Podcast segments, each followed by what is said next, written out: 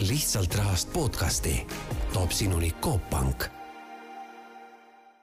tervist ja tere kuulama Coop Panga Lihtsalt rahast podcasti. täna räägime eluasemelaenudest ja KredExist ja külas oleme Coop Pangas, kus räägime juttu Coop Panga kodulaenude äriliini juhi Karin Ossipova ja KredExi eluaseme ja energiatõhususe osakonna juhi Triin Reinsaluga. mina olen Hando Sinisalu ja alustamegi kohe ka sellest, et kui, kui mina nüüd eraisikuna mõtlen kodulaenu peale, siis kuidagi KredEx sellega koheselt ei seostu, et KredEx tegeleb hoopis teiste asjadega, et kuidas siis äh, eraisiku kodulaen ja KredEx äh, omavahel kokku sobivad? tere, Hando, tere, Triin ja tere, kuulajad! väga hästi sobivad kokku KredEx ja, ja eraisik ja kodulaen ja tegelikult juba peaaegu, Triin, oskad sa öelda, mitukümmend aastat? kakskümmend või? veel ei tule, veel ei tule kahtekümmet täis tegelikult jah, natuke puudu paar aastat et äh, tegelikult KredEx annab äh, eraisikule äh, kodulaenu soetamiseks laenukäendust juba, juba pikki aastaid. Ja ütleme, et ega tingimused on ka juba pikkade aastate jooksul välja kujunenud, nii et, et see ei ole üldse midagi uut ega erakorralist praegu siin kodulaenuturul, aga tuleb tunnistada tõesti, et ega ma isegi üllatun aeg-ajalt, kui vähe mm, tegelikult inimesed teavad sellest võimalusest, äh, KredExi käendusest kodulaenu juurde. ja need, kes on ka kuulnud kunagi, et, et midagi vist on, siis ega täpsemalt äh, tingimusi ja mida see käendus üleüldse endast kujutab, arvatakse teinekord, et võib-olla annavad nad mingit omafinantseeringut või, või mis see täpselt on, ega seda tegelikult inimesed ei tea aga mis käendus see siis ikkagi on, et või küsime niipidi, et, et mis olukorras, kellele ja mille jaoks seda KredExi käendust kasutada saab?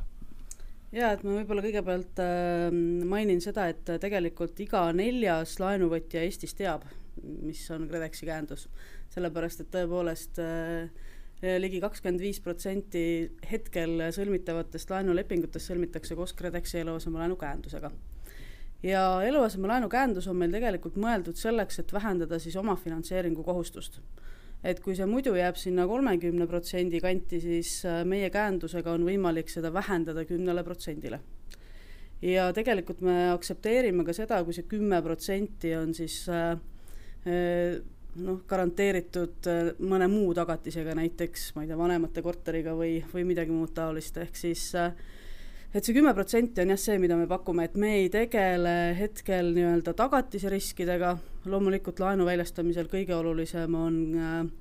on inimese sissetulek, seejärel võib olla äh, varasem maksekäitumine, siis vaadatakse tagatist ja vaat alles siis, kui, kui pank soovib tõesti sellele kliendile laenu väljastada, aga, aga inimesel ei ole piisavat omafinantseeringut, siis tuleme mängu meie aga millist äh, laadi kliendid äh, sinna teie meetmesse mahuvad, et kas siin on äh, mingisugune välja valitud seltskond ka, kellele see tagatis laieneb või saavad seda kõik? vot see on nüüd jah, peaaegu kõik, ütleme nii et oleneb, millist, millist eluaset omale tahetakse osta. et meil sellised kõige pikaajalisemad sihtgrupid on tõesti noor spetsialist mis siis tähendab seda, et inimesel on äh, kas kõrg- või keskeriharidus ja ta on äh, vähem kui äh, kolmekümne aastane, vabandust, kolmekümne viie aastane, seda tingimust me muutsime siin paar aastat tagasi. siis on noor pere, mis tähendab seda, et, et sellel laenuvõtjal peab olema vähemalt üks kuni viieteistaastane laps. Ja, ja tegelikult on meil selliseid väiksemaid sihtgruppe veel, mis on siis veteranid, Kaitseväe ja Kaitseliidu veteranid et need on siis inimesed, kes on äh, kas käinud kuskil välismissioonil või äh, siis saanud siin äh, Eestis teenistusel vigastada, et siis ka nemad saavad kasutada meie käendust. ja paar aastat tagasi me tulime välja täiesti uue teenusega, mis on selline energiatõhusa eluaseme laenukäendus, mis siis ei sõltu niivõrd sellest noh, laenuvõtjast, vaid, vaid sellest objektist, mida hakatakse ostma, sellest kodust, mida hakatakse ostma ja, ja kui see on äh, vähemalt äh, C-klassi korterelamus, korter, või siis äh, C-klassi eramu, mida hakatakse ostma, siis on võimalik samuti kasutada tegelikult meie laenukäendust. et see ring on päris laiaks läinud, et kui algselt oli ta seotud nagu pigem selle laenuvõtjaga, siis nüüd on see seotud ka, ka juba sellega, mida ostetakse. kui nüüd mõnel meie podcast'i kuulajal on parasjagu plaanis endale soetada uus eluase ja ta kaalub, et äkki KredEx saab äh, teda selles aidata, et kuidas see teekond algab, et kas ta peaks alustama KredExist või pangast või, või mõlemasse kohta minna, minema, et välja selgitada, mis võimalused tal on? Äh, kliendil on üsna lihtne, koos laenu taotlemisega ta annab pangale märku, et ta tahaks kasutada KredExi käendust või isegi ei pruugi sellest märku anda, pank, tark pank märkab ise, et omafinantseeringus on vajakajäämist ja, ja ja siin on võimalus kasutada KredExi käendust. klient ei pea pöörduma eraldi KredExi poole selleks, ei. Äh, pank hiljem kõik saab ka lepingud korraldada, käenduslepingud allkirjastada, nii et, et kõik, kogu see töö on panga peal äh, ja kliendil ei ole ka vaja muretseda, et kas ma nüüd vastan äh, vastava sihtgrupi nõuetele, milliseid dokumente ma pean esitama, selle teadmise, selle nõu saab ta pangalt ja, ja tegelikult protsess on täiesti tavaline laenu taotlemise protsessi moodi protsess. Nüüd ma saan aru, et KredEx saab appi tulla mitmel eri juhul ja, ja käsitleme neid juhtumeid siis praegu eraldi, et kõigepealt äh, spetsialist, noor spetsialist, et äh, see on siis äh, inimene, kelle vanust on kolmkümmend viis või vähem ja kes on siis keskeri või, või kõrgema haridusega et mida tema puhul siis vaadatakse ja, ja kui palju KredEx seal appi tulla saab? Me klienti hindame ikka täitsa tavapäraste oma töömeetoditega, vaatame, et maksevõime oleks korras, ähm, vaatame, et äh, maksekäitumine oleks tal senini korras olnud, hindame tagatist ja ainukene nüüd lisa küsimus või lisadokument, mis kõigele sellisele tavapärasele tuleb esitada, ongi oma haridust tõendav dokument. ja see ongi kõik. Nüüd, kui, kui pank on sellise kliendi krediidikõlbulikuks äh, tunnistanud, kas võib olla ka niimoodi, et, et KredExi poolt äh, tuleb mingi tõrge, et kas äh, KredEx aktsepteerib kõiki selliseid kliente, kes on nii-öelda pangafiltri juba läbinud? Jaa, selles mõttes, et, äh, et meie teenusel on väga konkreetsed tingimused, need tingimused on pangale täpselt teada ja, ja ongi täpselt see, et see nii-öelda käenduse väljastamine äh, toimub kahes etapis, selles mõttes, et kõigepealt hindab pank ikkagi seda, kas klient on laenuvõimeline ja alles siis, kui tõepoolest tekib äh, teema omafinantseeringuga, siis hinnatakse ka KredExi käenduse vajalikkust ja, ja siis juba vaadatakse meie põhitingimusi ja kui need on täidetud, siis on võimalik see käendus väljastada. Kui äh, suures osas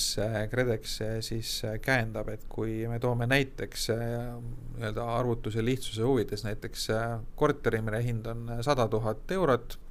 siis milline on see omafinantseeringu nõue ilma KredExita ja milline on siis koos KredExi käendusega?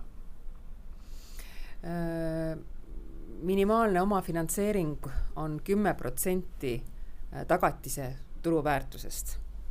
ja nagu Triin juba varasemalt ütles, omafinantseering, äh, ta võib noh, reeglina on omafinantseering tõepoolest rahaliselt makstav. aga see võib olla ka täiesti vabalt lisatagatis. ja KredExi käendus nüüd siia juurde äh, on maksimaalselt kakskümmend neli protsenti tagatise turuväärtusest aga nüüd selle käenduse suuruse vajadus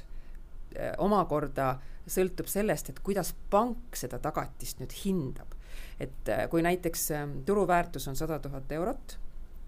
ja see, see objekt, mida ostetakse, asub näiteks Tallinna kesklinnas, dokumendid kõik korras, kasutusload olemas, siis noh, võime öelda, et pank on valmis andma kaheksakümmend viis protsenti laenu ainult selle tagatise vastu. ja kui nüüd kliendil äh, ei ole seda viiteist tuhandet, et omalt poolt siis äh, panna panus äh, kinnisvara ostmisesse äh,, siis äh, siis me hakkamegi vaatama, et ahaa, et äh, siia me võime kaasata KredExi käendust ja kui palju seda käendust siis nüüd vaja läheb, siis sõltub nüüd sellest, kui palju kliendil seda omafinantseeringut on. me teame, et eks kümme tuhat antud äh, näite puhul peab tal kindlasti olemas olema, see on miinimumnõue KredExi poolt ja nüüd see viis tuhat, mis meil siis nüüd veel omafinantseeringust puudu jäi selle summa ulatuses me saamegi sõlmida KredExi käenduslepingu. ehk et siis pangale sisuliselt on äh, nii-öelda kinnisvara tagatist kaheksakümmend viis tuhat panga enda hinnangu järgi ja viis tuhat sinna juurde on KredExi käendust ja kümme tuhat siis maksis klient ise turuväärtusest nii et see kümme tuhat antud näite puhul, kus see, selle korteri väärtus on sada tuhat, et see on siis selline kindel asi, et see, see raha peab kliendil endal kindlasti olemas olema või siis tal peab olema veel lisatagatisi, mis selle katavad, et sellest nii-öelda pääsu ei ole? just jah, kümme protsenti peab olema tagatise turuväärtusest kliendil endal panustada, kas rahaliselt või lisatagatisena, minimaalselt. Nüüd äh, me rääkisime sellest äh, noore spetsialisti laenust äh, ja selle tagatisest, et siin on veel mõned sellised nüansid ka, et, et haridust tõendav dokument, aga kas see vanus nüüd on, on väga rangelt paigas, et see ongi täpselt sünnipäevaga määratud või, või kui näiteks protsessi käigus saab see taotleja kolmkümmend kuus aastat vanaks, et siis juba KredExi puhul enam lootust ei ole või kui, kui, kui rangelt seda järgitakse? meie üldine loogika kõikide teenuste puhul on see, et äh, loeb vanus taotluse esitamise hetkel. Nüüd äh, teine näide äh, või teine juhtum, kus KredEx saab appi tulla, on siis olukord, kus taotlejal on viieteistaastane või noorem laps, et see taotleja ise võib olla siis kui, kui vana iganes, aga see laps peab olema siis viisteist või noorem. Et kas siin on ka nüüd panga puhul mingisuguseid erisusi võrreldes selle eelmise näitega, kus me tõime näiteks selle noore spetsialisti, et kas see, kas see eh, alla viieteistaastase lapsega juhtum kuidagimoodi erineb sellest noore spetsialisti juhtumist? ta muul moel ei erinegi, kui et laps peab olema ja viieteistaastane kaasa arvatud, eks kuueteistaastase lapsega juba enam siis seda noore pere, nii-öelda noore pere käendust ei saa aga muud tingimused on äh, kõik täpselt äh, ühesugused äh, kõikidele nendele käenduse sihtgrupi liikidele no siin ka kindlasti on mingeid selliseid detaile võib-olla selle lapse osas, mida peaks teadma, et kas kas see lapse vanus samamoodi nagu selle noore pere puhul siis on, on see, et taotluse hetkel ta peab olema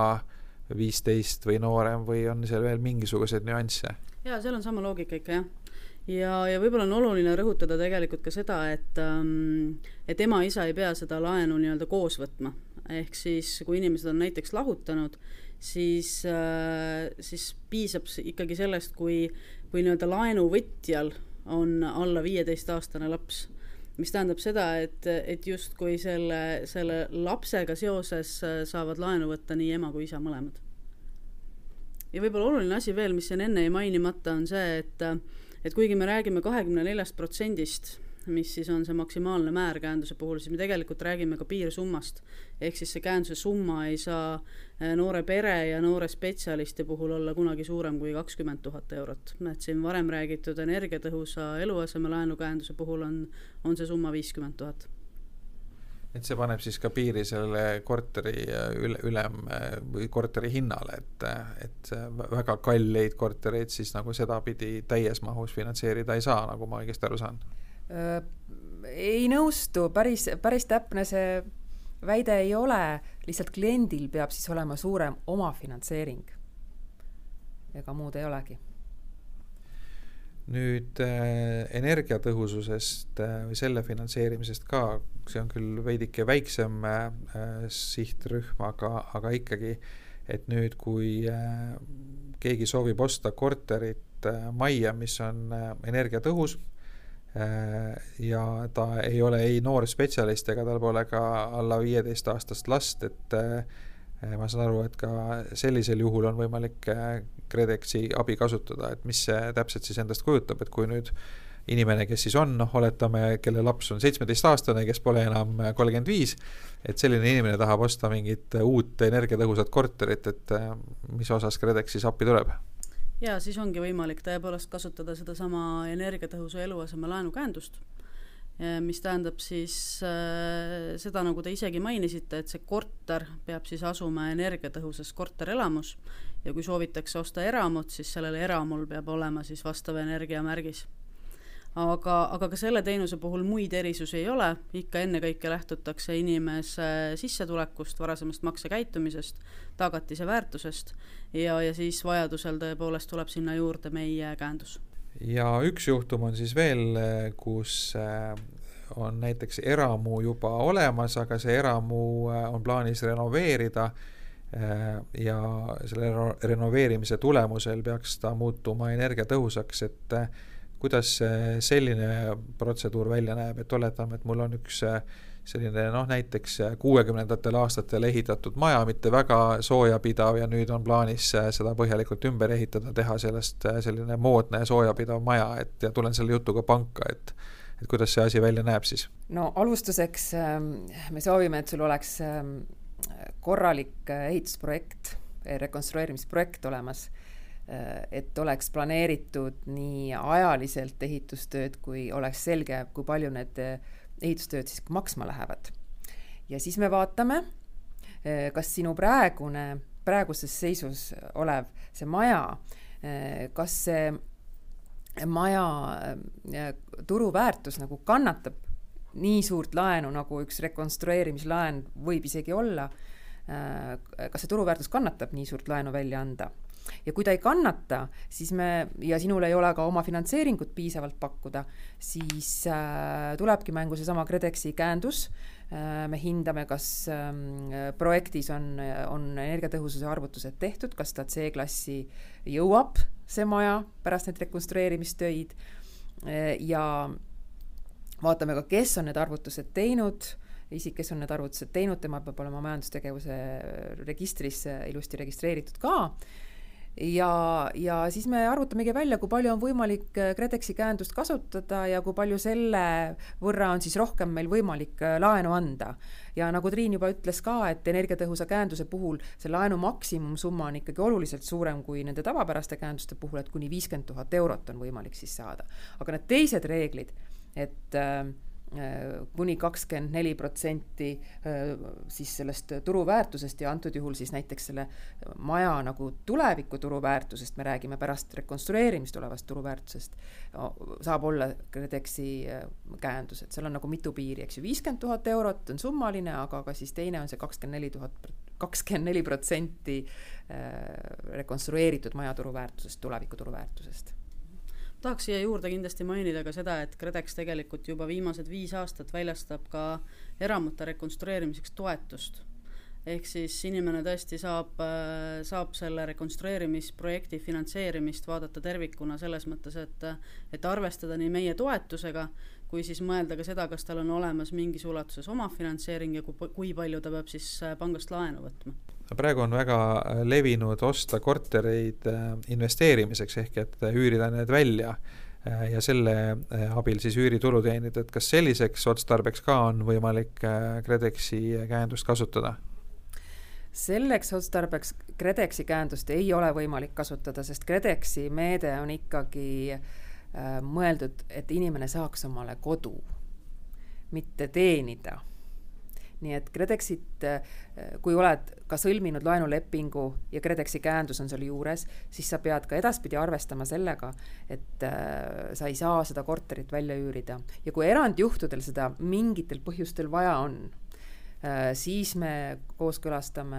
seda KredExiga, et Riin võib-olla oskab paremini isegi kommenteerida siin ja jah, et mis siis nagu juhtub, et kui ma olen nagu kavatsus on olnud ise sees elada, aga siis mingil põhjusel ma seda teha ei saa, näiteks ma ei tea, lähen tööle välismaale ja see korter jääb seisma, ma ei tea, ajutiselt kas või ei ole ju mõtet tal tühjalt seista lasta, võiks ta välja üürida, mis KredEx selle peale arvab? jaa, me täpselt seda arvamegi, et ega elu on äh, muutumises ja tõepoolest üks äh, kõige tavalisemaid näiteid ongi see, kus minnakse tööle kas teise linna või lausa teise riiki mõneks ajaks. Ja sellisel juhul me anname oma kooskõlastuse üürilepingu sõlmimiseks selleks konkreetseks perioodiks, kus inimene viibib nii-öelda oma kodust eemal, aga, aga jah, tingimus on siiski see, et, et see eemal viibimine on ajutine ja seotud kas siis äh, muude tööalaste kohustustega või, või siis õppimisega näiteks välismaal kui vaadata Eesti kaarti, siis kinnisvarahinnad erinevad kordades, isegi kümnetes kordades, kui, kui vaadata näiteks Tallinnat ja, ja Valgat või, või mingeid teisi Tallinnast kaugel asuvaid kohti ja pangad üldiselt äh, väga ei kipu äh, äh, andma laenu selleks, et osta kortereid sellistes vähem likviidsetes, vähem atraktiivsetes piirkondades. Et kui mingil põhjusel ma ikkagi nüüd tahaks Jõgevale või, või Valka või Kilingi-Nõmme korterit osta, et mis pank selle peale arvab?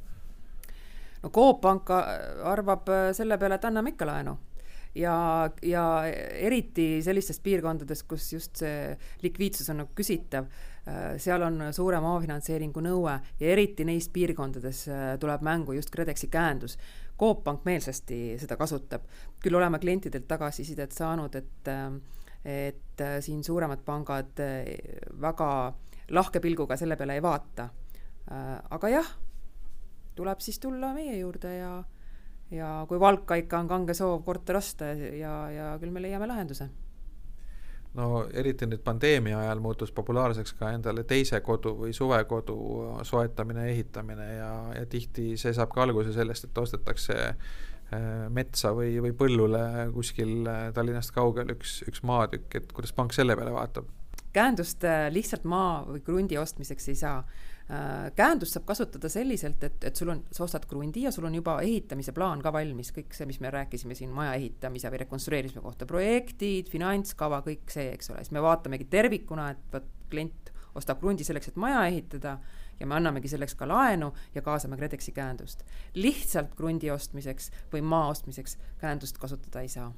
ja ka mitte suvekodu ostmiseks jah, et nagu, nagu Karin enne mainis, siis see käendus on tõepoolest mõeldud ikkagi omale kodu ostmiseks, et äh, et selle nii-öelda alalise elukoha või selle, kus sa ikkagi põhiliselt elad, et selle, selle kodu ostmiseks. No see alalise elukoha kontseptsioon on muidugi huvitav, sest äh, samamoodi nagu on see töö ja, ja kodu äh, läinud täiesti nii-öelda need piirid on ära kadunud, on eh, sellesama pandeemia ajal ka see alaline ja, ja, ja suvekodu tihti väga äh, segamini, et võib-olla viiskümmend protsenti ajast inimene elabki kusagil metsas ja viiskümmend protsenti aega siis eh, linnas, et kuidas seda üldse on võimalik eristada, et mis see alaline elukoht on ja kas seda saab inimesel ainult üks olla? Vot ega seda otseselt äh, meie ei peagi eristama, et siin peab inimene ise oma valiku tegema. et kuna inimesel saab olla korraga ainult üks kehtiv eluasemelaenu käendus, siis ta peab ise valima nii-öelda, kumba eluaseme ostmiseks ta kasutab meie käendust ja kumba ta siis nii-öelda mõtestab kui oma alalise elukoha ma lõpetuseks küsin ka seda veel, et mis projektid praegu KredExil äh, töös on, et, et võib-olla kõik ei ole veel avalikult välja tulnud, et mis, mis hetkel sellist huvitavat on, mis, mis kohe-kohe loodetavasti välja tuleb? võib-olla siis jah, ainult äh, eluasemelaenudega seonduvalt võiks välja tuua uue teenuse, mis puudutab siis maapiirkondade käendust et kui me täna oleme ennekõike rääkinud nii-öelda omafinantseeringu turutõrkest, siis, äh, siis tegelikult on tõepoolest ähm, probleeme ka sellega, et äh, tagatisvara väärtus on äh, liiga madal, ennekõike näiteks selleks, et anda laenu eramute rekonstrueerimiseks. et siis me oleme välja mõelnud sellise teenuse, kus riik asendab äh, kinnisvara tagatise oma garantiiga ehk siis me sooviksime tõepoolest hakata pakkuma maapiirkondadest käendust kuni kaheksakümmend protsenti ja, ja sellega me siis asendame selle, selle hüpoteegi, mis võib tõepoolest nendes piirkondades olla selline noh, mitte kõige turvalisem ja kõige kindlam tagatis. ja kui kaugel see projekt praegu on, millal see võiks välja tulla? vot seda ma nagu lõpuni ei oska kommenteerida, et siin on vaja ka, ka valitsuse otsust ja kui see otsus on olemas, siis meie oleme valmis kohe teenusega alustama, sest tingimused on iseenesest valmis. selline sai siis seekordne Coop Panga Lihtsalt rahast podcast. Meiega vestlesid Karin Ossipova, kes on Coop Panga kodulaenude äriliini juht ja Triin Reinsalu, KredExi eluaseme ja energiatõhususe osakonna juht. Ja neid küsitles Hando Sinisalu, aitäh kõigile kuulajatele. lihtsalt rahast podcasti toob sinuni Coop Pank